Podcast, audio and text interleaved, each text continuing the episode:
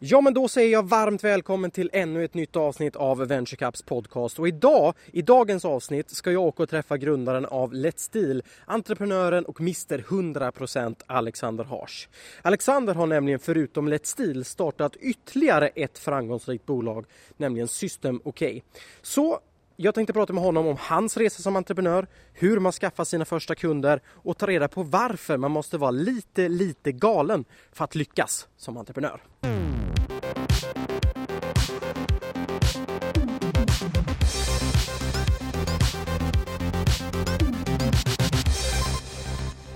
Ja, då sitter vi här i mediehjärtat av Sverige i Schibstedhuset i Stockholm. Eh, och jag sitter här som sagt med Alexander Hars som är en av grundarna av Deal. Välkommen till programmet Alexander. Tack så jättemycket. Du Alexander, ska vi börja lite grann? Eh, vem är Alexander Hars? Ja, en bra fråga. uh, ja, djup fråga. Ja, Alexander Hars, eh, sambo, eh, ett barn, två och ett halvt år. Född och uppvuxen i Munkedal. Där jag spenderade tiden eh, med att åka skateboard, spela golf, eh, taekwondo, pingis och jättemycket datorer. Eh, det är väl i korthet, idag bor jag i Göteborg och är VD för Let's Deal. Det lät nästan som en, en kontaktannons där i början. Sambo. Ja. Eller hur? Ja. Men du, just eh, vi var inne på datorer och, och du nämnde det. Eh, om vi backar bandet. När, när liksom föddes entreprenören Alexander Hars? Jag är väl inte den klassiska entreprenören som har sålt eh, jordgubbar på torget och hållit på utan eh, det kom väl i mitt datorintresse. Eh, jag hade det sedan tidigt, programmerade och tyckte det var kul. Sen en dag så träffade jag en likasinnad och vi hade en idé helt enkelt om en teknik som vi ville utveckla en produkt. Och det var väl egentligen drömmen om att försöka förverkliga den idén med den där tekniken som, som gjorde att vi startade ett företag. Så det var väl egentligen det som var drivkraften. Se om vi kan göra det helt enkelt. Och vad var det för företag då? Ja, det var ett eh, företag som heter System OK som vi startade när jag gick ur Chalmers eh, 2002. Och eh, vi skulle göra en programvara som vi kallade för Back on Track som skulle vara som en, eh, åt, en eh, tidsmaskin som man kunde backa bak bandet, återställa datorn om den inte funkade. Så att eh, har du en Windows-dator så kunde man installera den här programvaran och den låg och lyssnade på vad som hände på hårddisken. Och fick man en krasch, en, ett virus eller man själv råkat bort en fil så kunde man backa bandet helt enkelt eh, tillbaka till banan back on track. Och, och, hur, hur gick? Ni fick den här idén. Vad var liksom, eh, hur, hur, startade, hur startade ni? Hur, hur gick ni tillväga? Ja, alltså det, det, man har gott om när man är precis eh, nyexad från eh, högskolan, det är tid. Det man har dåligt med det är pengar och kontakter och allmän kunskap kring affärer. Så att vi gick eh, och rådfrågade en eh, inkubator i Göteborg, en företagsinkubator som kan plocka upp idéer och tillsätta det som behövs i form av kontor och kapital och kunskap.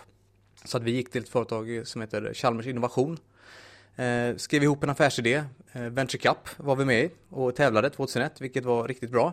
Då fick vi lära oss vad, vad en affärsidé är, vad en affärsplan är, tänka igenom marknad och produkt och konkurrenter och prissättning och alla de här sakerna. Så att vi gick där med vår nybakade affärsplan till Chalmers Innovation och sa kolla här, eh, här är världens bästa grej, eh, ska ni inte investera pengar i oss? Så det var, det var så vi började. Och det gjorde de? Det gjorde de efter ett tag. De såg någonting där. Eh, de var de enda som såg någonting. För de, de allra flesta som gick runt och frågade om det här, för man, ofta så behöver man prata med fler än en för att få napp. Eh, och det gjorde vi också. De allra flesta sa väl någonting som är så här, ja det, det låter ju jättespännande, eh, det här ni har på papper, men ni är 23 år, rätt ur skolan och ni har två konkurrenter, det är Symantec och Microsoft. Jag tror inte vi vågar investera i detta. Så att vi fick ganska många nej. Eh, men, eh, men de såg någonting i oss där på Chalmers Innovation. Så vi fick en, en lokal, eh, sex månader och en påse pengar för att försöka utveckla en prototyp. Vad, vad, vad, vad var det som Chalmers såg tror du, Chalmers Innovation?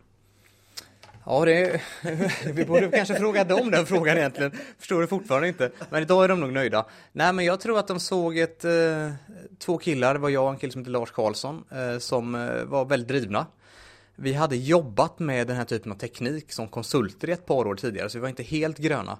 Men det vi skulle använda tekniken till hade vi aldrig gjort då. Så, men vi lät nog ganska trovärdiga i och med att vi kunde detta. Och de trodde väl på själva eh, kärnidén, de kände väl själva att datorerna kanske var lite ostabila. Alltså det var ju Windows 95 och 98 på den tiden. Eh, så att eh, jag tror att vi fick tag i en person hos dem som verkligen förstod det här med, med IT och data eh, och upplevde problemen och såg en, eh, en kundnytta. Så att vi, och det, det, var liksom en ganska liten investering för dem. Eh, jag tror det var 200 000 kronor och en lokal som de ställde till förfogande. Det är ju deras affärsidé att pynta ut lite pengar och se var det, var det fastnar någonstans. Så det var inte så, så, var inte så svårt beslut för dem till slut. Ni fick eh, era 200 000 kronor, ni fick er lokal i sex månader. Steget därifrån då till att ni faktiskt några år senare sålde bolaget eh, och flyttade till San Francisco. Ja. Om vi ska summera den, den resan på, på eh, ett kort svar här. Hur skulle du göra det? Ja, ett kort svar. Tack för den. ja, äh, blod, svett och tårar då, det är väl superkort. Nej, men alltså det är väl, eh, jag tror det som vi gjorde bra och det är väl ett allmänt tips till alla, det är väl att, att försöka prata med kunder tidigt och ja, inte utveckla för mycket i onödan helt enkelt. För, för min, min erfarenhet är, och när jag pratar med andra, är att man, man får testa ganska mycket innan man hittar rätt. Och det sämsta man kan göra det är att sitta hemma i 12 månader, eh, fem personer eller, eller, hur många man nu än är. Och så utvecklar man alla funktioner man kan komma på och sen går man ut och träffar kunden eller potentiella användaren och så, och så liksom bara direkt så faller det samman.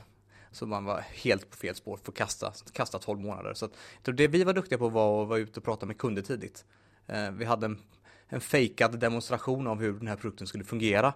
Vi låtsades krascha en dator, sen såg ut att vara kraschad med den här blåskärmen som ingen gillar på Windows. Och sen så kunde vi då återställa just den filen som vi hade liksom tagit bort och så såg det ut som allting funkar. Så det var ju, upplevelsen var ju precis så som man skulle få den.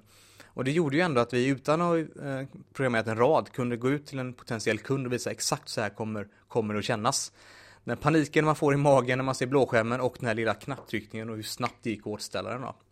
Så det gjorde vi bra. Och det gjorde också att vi tidigt investerade i rätt saker och inte byggde för mycket i onödan.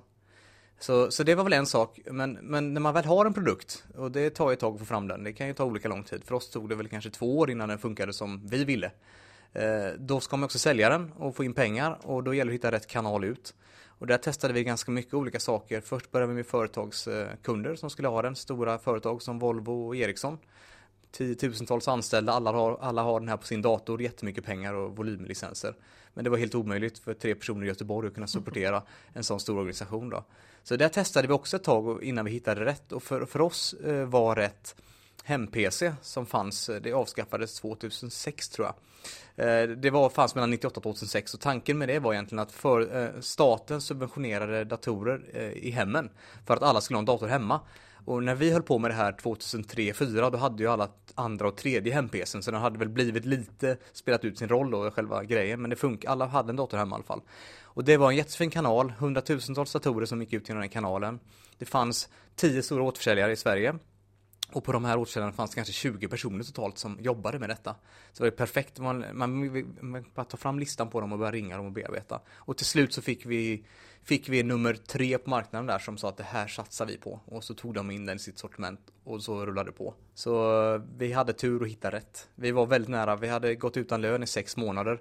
Och vi sa vi ger det någon månad till, sen kommer vi lägga ner och precis i den vevan hittade vi den här kanalen. Så det är liksom, det säger lite grann också om hur hårfint det kan vara mellan framgång och, och fall. Och vi hittade kanalen, vi började visa fina siffror och så kom det ett amerikanskt bolag och, och köpte det. Så det var, ja, Korta versionen. Ja, lättare sagt än gjort. Ja, ja men det, det, är alltid lätt i efterhand och Alltså man minns ju oftast också bara det som är bra på något sätt. Det låter så tillrättalagt men att, att starta företag och bygga bolag det är lite grann som en berg och dalbana.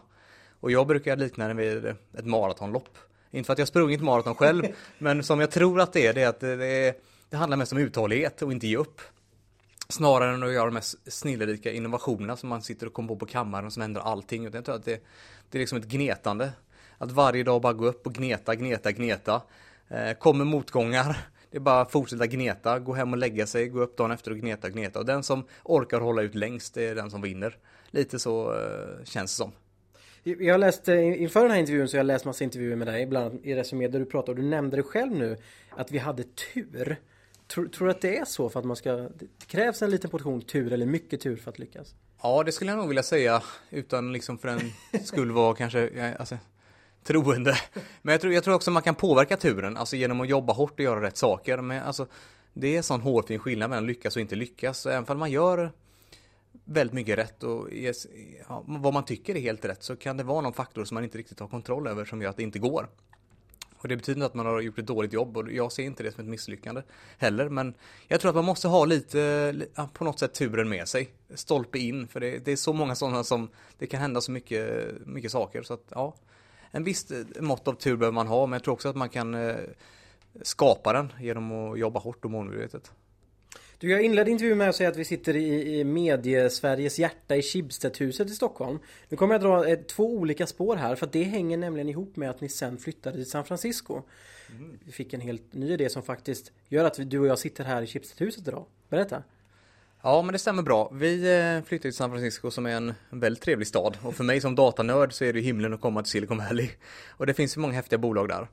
Och för mig blev det väl lite av en kulturkrock att gå från ett bolag med 15 anställda där man får bestämma det mesta till ett större bolag med 1500 anställda och man var en, en mellanchef som hade en chef över sig som hon hade en chef över sig. Och man var lite mer bakbunden och det gick lite långsammare. Så jag, eh, vi hade en inlåsning på två år. Det är ganska vanligt tror jag när man blir uppköpt. Och dagen efter den tvåårsperioden så sa jag upp mig. Eh, och då flyttade vi hem. då kände jag att nej, nu får det räcka med storbolag. Nu vill jag testa någonting annat. Och då hade vi sett eh, den här ja, deals-fenomenet växa fram eh, i USA. Dels så kommer jag ihåg från när jag, den första bubblan 99, det fanns Let's Buy It med Stel von Holstein som höll på.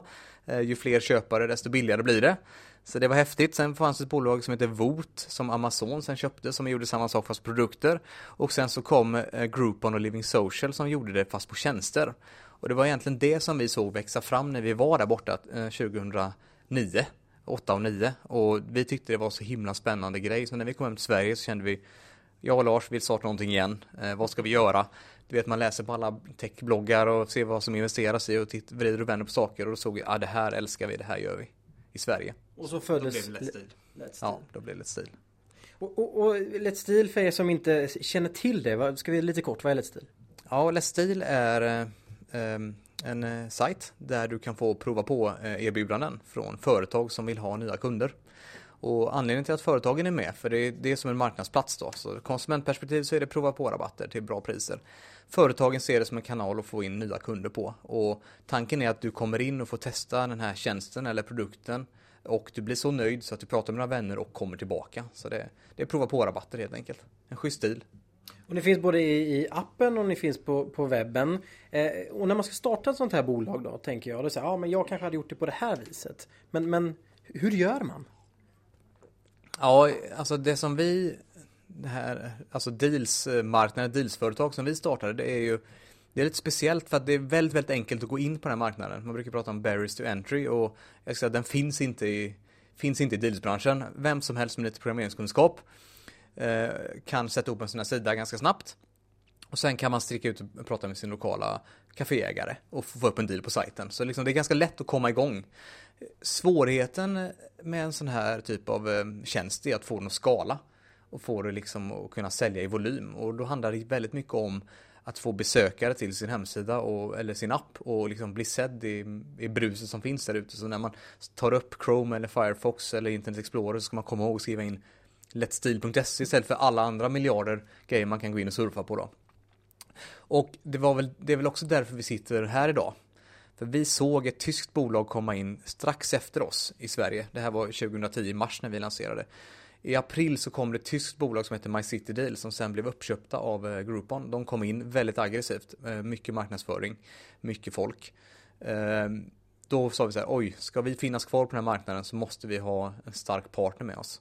Och eh, då kändes det väldigt naturligt att titta på de medieföretag som finns här i Norden och i Sverige finns det ja, Bonnier, eh, Stampen och Schibsted. Och Schibsted var väl de jag känner till minst. Bonnier känner man ofta till med böcker eller sådär. Och Stampen i Göteborgs-Posten för mig är ju hemma. Eh, så fanns det Schibsted, det här norska företag som man inte går att stava till. Eh, och sen visar det sig när man lyfter på locket där så är det ju massa spännande bolag som finns som Schibsted. Eh, Aftonbladet, eh, Svenska Dagbladet, Hitta, Prisjakt, Mötesplatsen, ja, Lendo, alltså det är en lång lista med stora internetsajter och även ja, vanliga mediekanalsajter då. Så vi såg dem, vi träffade dem och tyckte att shit, det här var ett bra gäng. Och de här vill vi bli ihop med. Och det var väl lite det som gjorde att vi lyckades ta oss från ja, från det vi var då tills det vi är idag med närmare en miljon eh, medlemmar. Men ni startade då bolaget, ni lanserade i mars 2010.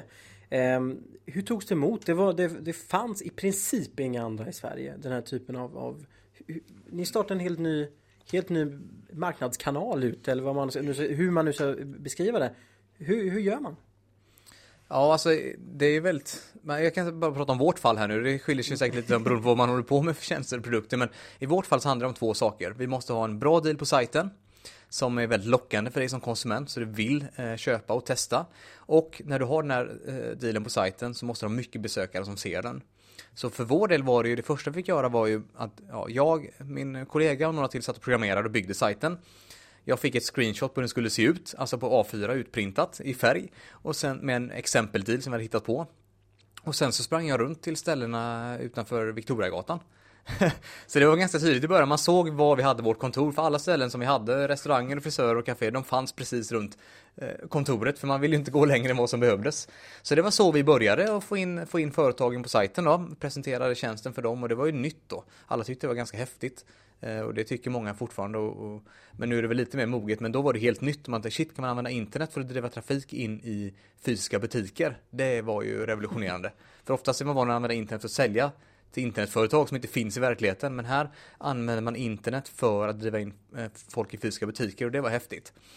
Så det var börja väl där, få upp, få upp liksom bra deals på sajten och sen fick man ju mejla sina vänner. Man fick ju spamma alla man hade i sin kontaktlista. Kolla här finns Let's Deal. Så att jag tror de första månaderna var det väl bara våra vänner som eh, köpte. Och vänner till vänner. Och så växte det väldigt organiskt eh, i början. Så vi, vi kände i princip alla de första, första halvåret skulle jag säga. Men det gick ju ganska långsamt att växa på det sättet. Men, eh, men vi växte och det var ju väldigt trogna kunder. Vi har aldrig haft så bra värden på alltså intäkt per per kund som vi hade i början där. Jag tänker på, du kom, ni kom in till det här, ni kom tillbaka till Sverige du och din kollega Lars. Ni hade gjort en resa redan. Vad hade det för betydelse när ni startade Stil? Ja, alltså en eh, konkret betydelse, alltså en konkret sak som var väldigt mycket enklare en gång, det var att få de här första slantarna. Att någon vill investera lite pengar i det. Eh, för att, eh, ja, för att vi ska kunna komma igång helt enkelt. Och det var en stor skillnad. För nu var vi på något sätt bevisade och det fanns en kvalitetsstämpel eh, i det. Och det var ja, natt och dag från, från första gången. Så där, där, där, kände vi väldigt konkret att de satsade mer på oss än idén. Och faktum är att den första idén som vi presenterade för de som investerade, den la vi ner efter två månader. Och så körde vi bara på Let's Steel. Så, så de investerade nog mer i oss som personer. Så det var en stor skillnad. Och sen, sen har man ju, alltså det var vissa saker som man hade lärt sig första resan som man kunde ta med sig nu. Men, men Samtidigt så att det, man springer alltid in i nya saker och man blir aldrig fullärd. Så det var nog bra att vi hade gjort den här första resan, speciellt idag när vi är närmare 90 anställda.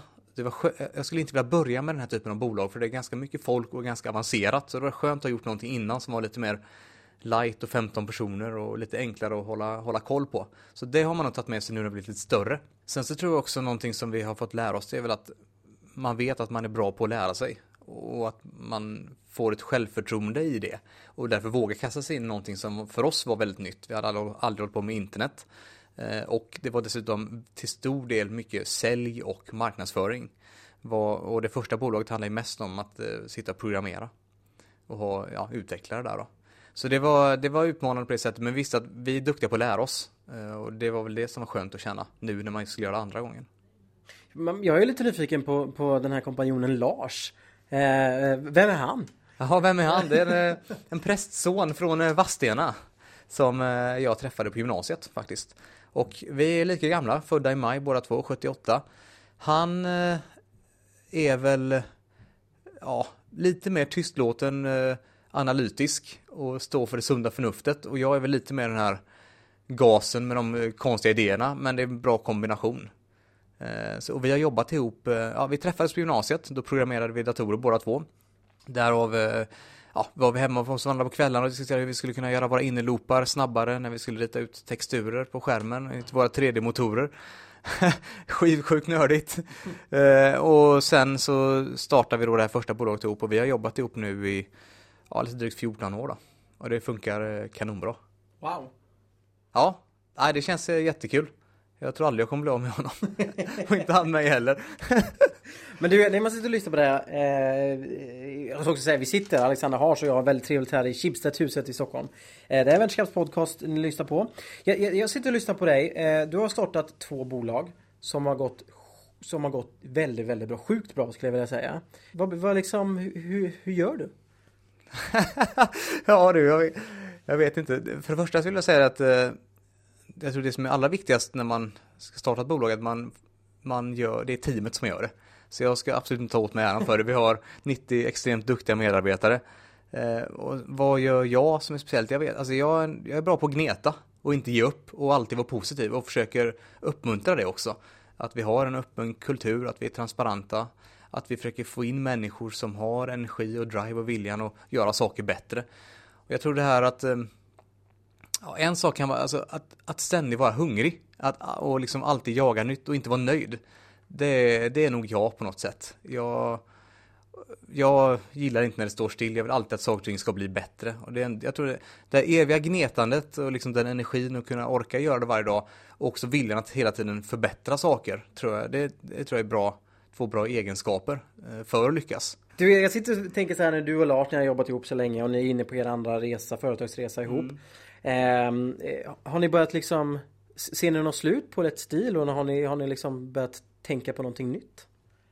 Nej, det är må många ställer med den frågan för de, de förväntar sig det någonstans. Ja, nu har du, det var ju fem, sex år med System OK och nu är det tre och ett halvt år. Vad, vad ska du göra härnäst? Men eh Eh, jag har absolut inga sådana tankar. Min vardag, förutom familjen, så fylls det av eh, Let's Stil. Och så länge det finns eh, saker att utveckla så vill jag vara med och utveckla det. Det blir på något sätt som en bebis när man startar företag. Och man blir liksom nästan förolämpad när någon inte tycker det är bra och man blir jätteglad när, när någon tycker det är bra. Så det blir väldigt personligt. Och så länge jag kan få den här bebisen att växa upp, jag, jag kan tänka, känna, jag kan känna ibland att vi kanske är någonstans mellan 3-4 år eller någonting, den här lecilbebisen, och växa upp lite grann. Men eh, det finns många år kvar och den här ska bli vuxen och inte förrän den är väldigt vuxen och jag känner det, att den kan ta hand om sig själv, då, då lämnar jag. Så, och det, jag ser inte det på lång sikt, eller på lång tid då. Så att jag kommer vara kvar så länge det finns saker att utveckla. Du, eh, vi sitter som sagt i Schibsted-huset och, och, och, ni fick med Schibsted ganska tidigt på banan i, i Let's Stils historia. Eh, och, och, för något år sedan så blev Schibsted majoritetsägare också i Let's Stil. Hur har det påverkat eh, din bebis? Ja, ingenting faktiskt. och det är, lite, det är också lite förvånande kanske, för jag undrar en del hur det har hänt nu när de är majoritet och nu, gud, nu får inte ni bestämma allting och ska det röstas i styrelsen så kan ju de köra över er. Men eh, faktum är att eh, ja, Ja, vi satte oss ju i samma båt som Chipset som du sa ganska tidigt, 2010 december. Vi startade i mars. Eh, det är ganska ovanligt för Chipset att göra det, men och det kändes lite konstigt då, för man vet ju inte riktigt vem det är man gifter sig med. Det är lite grann som att gifta sig med någon man inte har sett. och det, det, Alla kan relatera. Ja, men ja. och det, kän, det känns ju lite konstigt och man var ju lite orolig, men man får gå på magkänslan och vad de sa. Och vi pratade med andra entreprenörer som har har varit med. Men de har Blocket som deras största framgångssaga men en rad andra bolag också som varit väldigt framgångsrika med. Och vi fick bara positiva signaler. Och, och faktum är nu, tre och ett halvt, ja, drygt tre och ett halvt år senare, så eh, känns det lika bra som det gjorde då. Och de förstår att de som entreprenör så är det ens bebis och de tillsätter det som är positivt, alltså trafik och kommer med råd och input och hjälper till och coachar. De är inte inne och detaljstyr och tar besluten och det, det, får vi som entreprenörer göra. Och det är jag väldigt tacksam över att de, att de står vid det ordet som de sa från början och agerar på det sättet. Så det känns eh, jättebra med chipset. Du, vi pratade om tur här första resan. Om vi pratar Let's Deal, var det, var, har det varit tur där också? Ja, inte, ja. jag vet inte vad jag ska svara på den frågan. Det känns som att vi, vi har, vi har haft en ganska stadig tillväxt hela tiden. Och vi har säkert gjort några saker som inte har funkat, men då har vi slutat dem ganska snabbt. vi uppmuntrar eh, att vi ska testa nytt hela tiden. För det är, också, det är liksom en del av vår kultur att våga testa saker. Ibland funkar det inte och det är okej. Okay. Men då ser vi det som en lärdom och gör inte om samma sak igen då. Så vi har säkert gjort, eller vi har gjort en hel del små fel men inga sådana här stora saker. Eh, och det känns som att det har gått ungefär så som vi hade hoppats hittills. Eh, ja, lite över förväntan men eh, ungefär enligt, enligt plan. Så inte så mycket tur? Nej, det känns inte som att vi hade så mycket tur den här gången. Alltså, det är klart att vi hade tur för med Schibsted kan man säga. Det, det är ju en liten nyckel. Annars hade vi inte, jag tror inte vi hade funnits här. Då hade du förmodligen inte intervjuat mig. Då hade vi bara blivit klassad som en misslyckad entreprenör med den stämpeln här. Eh, men, äh, ja, men att få med dem, det var, det var ett lyckodrag. Men det, jag kände att det var, liksom, det var inte tur, det var ju Skicklighet. Vi fick ju uppvakta dem ganska hårt länge, du vet hur det är. Om man gillar någon som inte gillar en, då får man ju anstränga sig. Du, jag tänker också på så här, när ni kom in i, i, på den svenska marknaden med Let's eh, eller ni startade upp den svenska marknaden, hela den här eh, deal-nischen. Mm. Eh, ni var i princip först och sen har det liksom exploderat. Hur gör man för att liksom hantera konkurrenter? Alltså grundgrejen som jag känner är väl att man ska fokusera på det man själv kan påverka och göra och det är sin egen affär. Sen ska man självklart ha koll på på konkurrenterna och vad de gör och ja, vilka motdrag de håller på med, hur de försöker förstöra för, för oss liksom. Men grundsaken är bara att fokusera och tro på det man själv gör och gå sin egen väg. Så vi har faktiskt inte lagt för mycket vikt på konkurrenterna och aldrig känt att det har varit ett, ett problem utan vi, vi har kört vår grej och tror på att vi kommer, att vi gör rätt och att långsiktigt kommer det att löna sig. Så det är, som du säger så har det kommit många i den här branschen eftersom den är ganska lätt att komma in i. Eh, så är det, jag vet inte, ett tag tror jag det var närmare 30 företag som höll på med deals. Och det är klart att då, då märkte vi det framförallt av företagen. För de, eh, det som hände när de hade en, ett företag hade en deal hos oss, det var att då ringer det åtta stycken säljare från andra dealsajter dagen efter och vill ha med dem igen. Så på så sätt så kände vissa att väldigt, från ingenting till att jättemånga ringer om det här och då, då stänger de ju av för alla sen. Men, eh, men vi har gnetat på med vår grej och ja, de flesta har känt det att det, är inte så lätt att tjäna pengar och få det här att gå runt. Och många av dem har ju lagt ner idag. Eh, så att eh, ja, fokusera på, på din egen grej, det är, väl, det är väl mitt tips om jag ska ge det till någon. Att eh, fokusera på det du kan påverka själv och det är framförallt det, det ni gör i ert bolag. Det var ett tips. Om vi ska, om vi ska prata andra tips till, till lyssnarna som sitter här nu med sina affärsidéer. Eh, kanske inom dealbranschen, men vet eh, kanske någonting annat. Vad har du mer för tips? Vad ska man tänka på när man ska starta ett bolag? Ja, alltså, jag, det, jag, sa det tid, jag sa det innan här också att man ska ut och prata med kunderna. Eller de som faktiskt ska använda tjänsten. Och man ska inte vara rädd för det. För det, det vet jag en del som kommer till mig och ja, de vill först att man ska på ett sekretessavtal för de vågar inte avslöja någonting. Och, och de vågar inte prata med några vänner eller bekanta eller någon för alla tror att man ska sno idén. Så det, tror man, det, det kan man nog släppa direkt. Prata med så många som möjligt och få feedback för det kommer bara hjälpa dig att utvecklas. Speciellt om man tänker på att det här är ett maraton. Det är ingen sprint vi pratar om. Utan det här är ett maraton. Om du har den idén och drivkraften så kommer du orka det här och det kommer inte någon som bara försöker sno den som inte brinner för det. Så att eh, det är väl en sak att ut och testa det. Ehm, envis, eh, lösningsorienterad och inte ge upp. Det är inga konkreta tips men man måste tänka på det, för man kommer få många nej. Eh, och det är många som har väldigt starka åsikter, så det gäller att tro på sig själv någonstans också. Alltså Steve Jobs sa det här ganska bra en gång, han sa, jag ska se vad det var han sa här, jo han sa så här att eh, man måste vara lite smågalen för att, och, och driva bolag, för för människor som inte är lite smågalna, de ger upp när det blir jobbigt liksom. Vanliga människor som är, liksom är sansade och vettiga, de ger upp och, och skaffar sig ett annat jobb. Utan man måste vara lite så halvknäpp för att orka fortsätta. Så det är väl något man ska ta med sig. Du pratar här om att man måste vara lite smågalen och sådär som entreprenör. Eh, om man ska driva bolag. om jag hade ställt samma fråga till din kollega Lars då som varit med hela vägen, tror du han hade svarat samma sak? Nej, det tror jag inte. Han hade säkert svarat någonting helt annat där. Ja, jag vet inte vad han skulle säga, men Lars är skön på det sättet för när det blåser lite och jobbigt liksom, för det händer ju alltid saker man får motgångar. Jag är en sån som bara börjar stissa upp mig och börjar så här, gå upp i varv och, och inte tänka rationellt längre. Och han sitter där som en lugn som en filbunke och ser allting kristallklart och kommer så här, ja men så här är det, nu gör vi så här. Och så tänker man så bara, ja ah, vad skönt, det är så vi gör liksom. Så han hade nog inte sagt att man måste vara lite halvgalen men, men han är skön att ha där. Det är väl, om Lars lyssnar på det här så är jag tacksam för att han finns där. Kan hålla mig på jorden. Du, nu har vi kommit till det här fina momentet där förra veckans gäst ställde en fråga till, till dig och så ska du ställa en fråga till nästa veckas gäst och sådär. Förra veckan träffade jag Monica Hallworth från bolaget Nicer och hennes fråga kommer här. Eh, tror du att det finns en internationell marknad för dig? Ja, det där var Monikas fråga, eh, Alexander. Eh, internationell potential, vad tror vi? Eh, ja, men svaret är väl ganska solklart ja på den. Affärsmodellen som sådan är förmodligen den mest kopierade i världen. Jag tror att det finns i alla fall vid höjdpunkten någonstans över 10 000 företag som hade implementerat den här affärsmodellen. Så att ja, det finns internationell potential för affärsmodellen som sådan. Men eh, om man säger, problemet om man nu går till det, om vi skulle komma ut till Tyskland eller Frankrike eller Spanien eller USA, att det finns redan två eller tre eller fyra eller fem jättestora dealsajter i varje land. Så att, att komma in nu när det finns eh, så mycket uppbyggda medlemsbaser och stora organisationer, det är supersvårt. Då måste man ha en, en konkurrensfördel i någon, någon typ av trafikdrivare som kan ge en jättemycket trafik och besök som man kan bygga sig väldigt snabbt och man måste ha en stark krigskassa.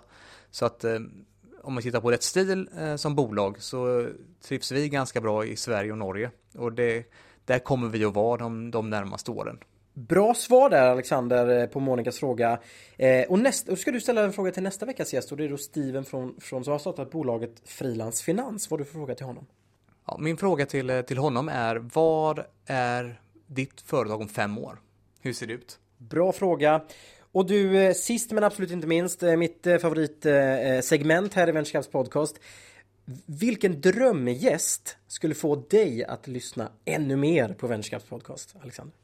Ja, den frågan är faktiskt ganska enkel och det är verklighetens Iron Man och det är en kille som heter Elon Musk som har startat Tesla och SpaceX och grundare av Paypal från början. Får du med honom så lovar jag att dra hit alla mina kompisar liksom på podcasten. jag ska göra mitt bästa. Tack. Du eh, Alexander Hars, eh, supertack för att jag fick komma hit och träffa dig. Eh, jag Anders Nyberg, tack för mig. Jag tackar er som har lyssnat. Venturecaps podcast hittar ni på Venturecaps hemsida. Venturecap.se podcast. Den finns på Soundcloud, den finns på iTunes, den finns på snart även den här säsongen på Spotify. Alexander Hars, supertack. Tack så mycket för att jag fick vara med.